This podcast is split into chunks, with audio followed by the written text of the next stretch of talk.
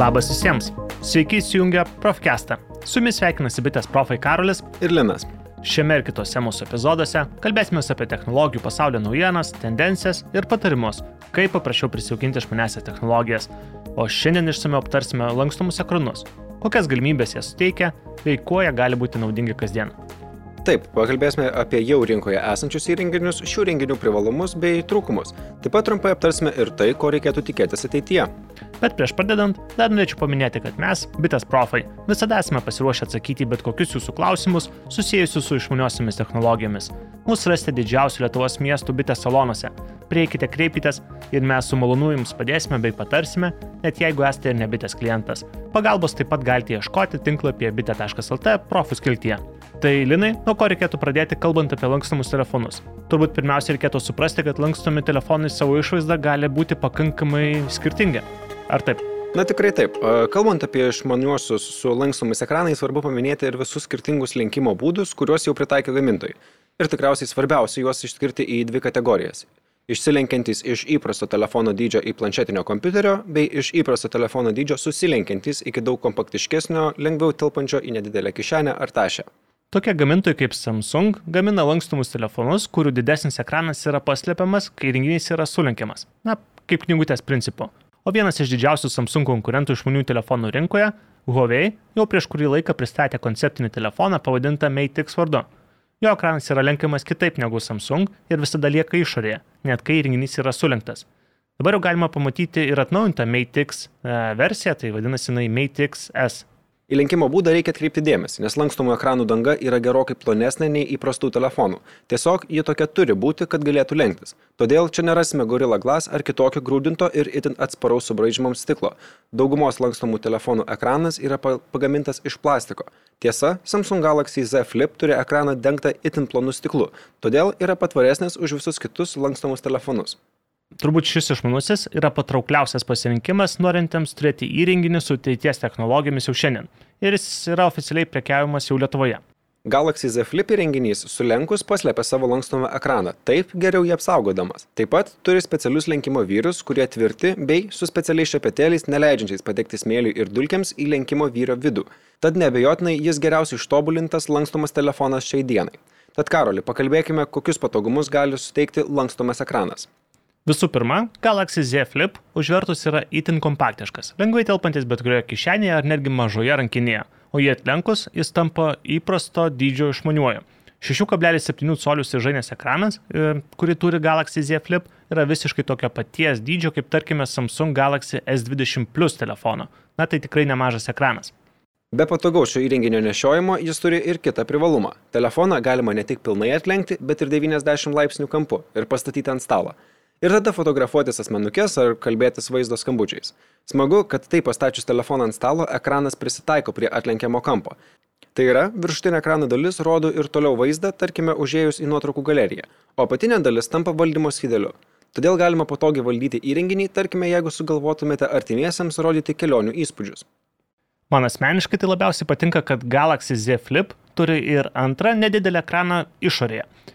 Jame galima matyti laiką ir svarbiausius pranešimus net netidarius telefono, o jeigu įsijungtumėte kamerą, matytumėte fotografuojamą vaizdą. Tokiu būdu galima asmenukės fotografuoti su dviguba pagrindinė kamera. Na, nepaslaptis turbūt, kad pagrindinės kameros kokybiškiau jam žina akimirkas už priekinės. Na tikrai taip, o man testuojant šį telefoną labiausiai patiko, kaip galima pabaigti pokalbį. Jeigu kas anksčiau yra turėjęs tokį kriauklytės formo te formos telefoną, pamena tą jausmą, kai pabaigti pokalbį galima nepaspaudus raudoną mygtuką ekrane, o tiesiog užlenkus telefoną.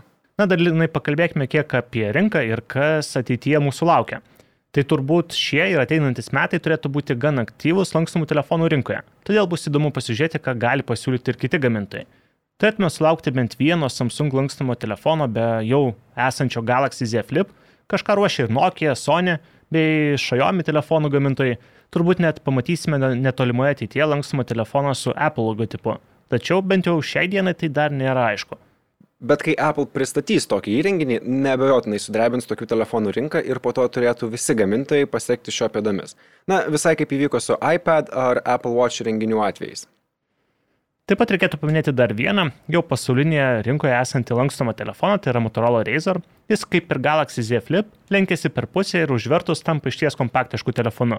Ta tikėtina, kad Motorola taip pat gali pristatyti dar vieną lankstomą įrenginį. Ir gal netgi ateinantis modelis pasieks ir Lietuvos elektronikos prekių parduotuvių lentynas. Na, Karoli, manau, kad ši lankstumo ekranų inovacija pasiekė ne tik išmanius telefonus, na tai kokiagi situacija su kitais renginiais? Žinoma, linai telefonai nėra vieninteliai renginiai, kuriems yra pritaikyta lankstumo ekrano technologija. Televizoriai jie taip pat jau naudoja ir netgi tam tikrą prasme pradėjo tai daryti gerokai seniau negu telefonai. Tai netgi pirmieji lenktais ekranais televizoriai iš esmės tokią technologiją turėjo. Tik tiek, kad negal, nebuvo galima jų lankstyti, kada reikia, tai yra jau gamintojo sulenktas ekranas, pritaikytas žiūrėjimui kasdienai. O dabar televizorių ekranai, kaip ir telefonų, jau gali lankstytis, kai to reikia. Na, pavyzdžiui, toks LG pristatytas televizorius nesilenkia taip kaip telefonai, jis susivinioja. Todėl, kai nežiūrite televizoriaus, jo tiesiog nematote, jis visas pasislėpia nedidelėje dėžutėje. Taip pat tai suteikia jums galimybę mėgautis naujesnio formato filmais be jokių juodų linijų ekrano viršuje bei apačioje. Ekranas tiesiog išsivinioja iš dėžutės tiek, kiek reikia, kad vaizdas užimtų visą ekraną. Tiesa, šiuo metu tokio televizoriaus dar nėra galimybės įsigyti, tačiau LG puslapyje yra užsimenama, kad jis jau greitai pasieks parduotuvių lentynas. Tikėtina, kad lankstomi ekranai pasieks ir išmaniųjų laikrodžių pasaulį. Čia dar tik tai konceptiniai renginiai ir kol kas jais nėra prekiaujama, tačiau galime būti tikri, kad išmaniai laikrodžiai su lankstomais ekranais arba su lenktais bent jau rinkoje tikrai pasirodys per artimiausius keliarius metus. Na ir jie turėtų teikti panašius privalumus kaip ir lankstomi telefonai - didesnis ekranas standartinio dydžio įrenginyje.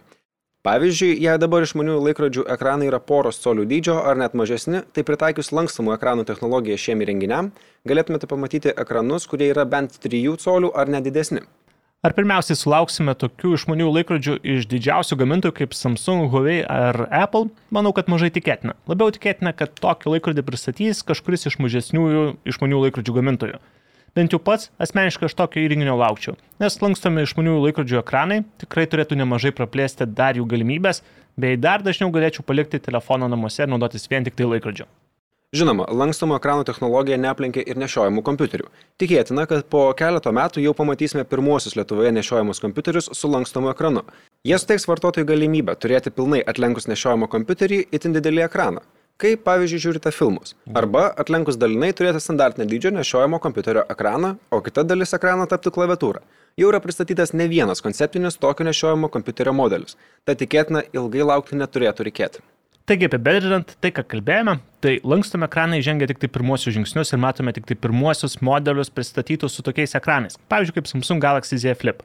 Bet ši technologija yra išties įdomi ir daug žadanti. Ir ateityje turėtume pamatyti vis daugiau tokių renginių. Linai, manau, pakankamai jau išsamei aptarėme lankstomų ekranų pritaikymo galimybės bei įrenginius, kurie šiai dienai juos jau turi. Tai manau, metas atsveikinti.